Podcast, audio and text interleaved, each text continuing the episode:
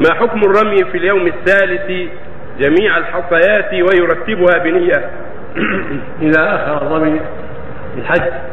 حتى رماه اليوم الثالث عشر مرتبا يبدأ بيوم العقبة ثم باليوم الحادي عشر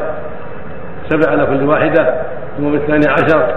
ثم بالثالث عشر بالنية لا بأس لا حرج. لكن فاته الفضل فاتت السنة السنة أن يرمي كل شيء وقته السنة يرمي يوم العيد في وقته والحادي عشر في وقته الثاني عشر في وقته لكن لو كان بسبب الزحام ما استطاع أو خاف على نفسه فأخرها ورماها في الثالث عشر وفي الثاني عشر مرتبا أجزأه ذلك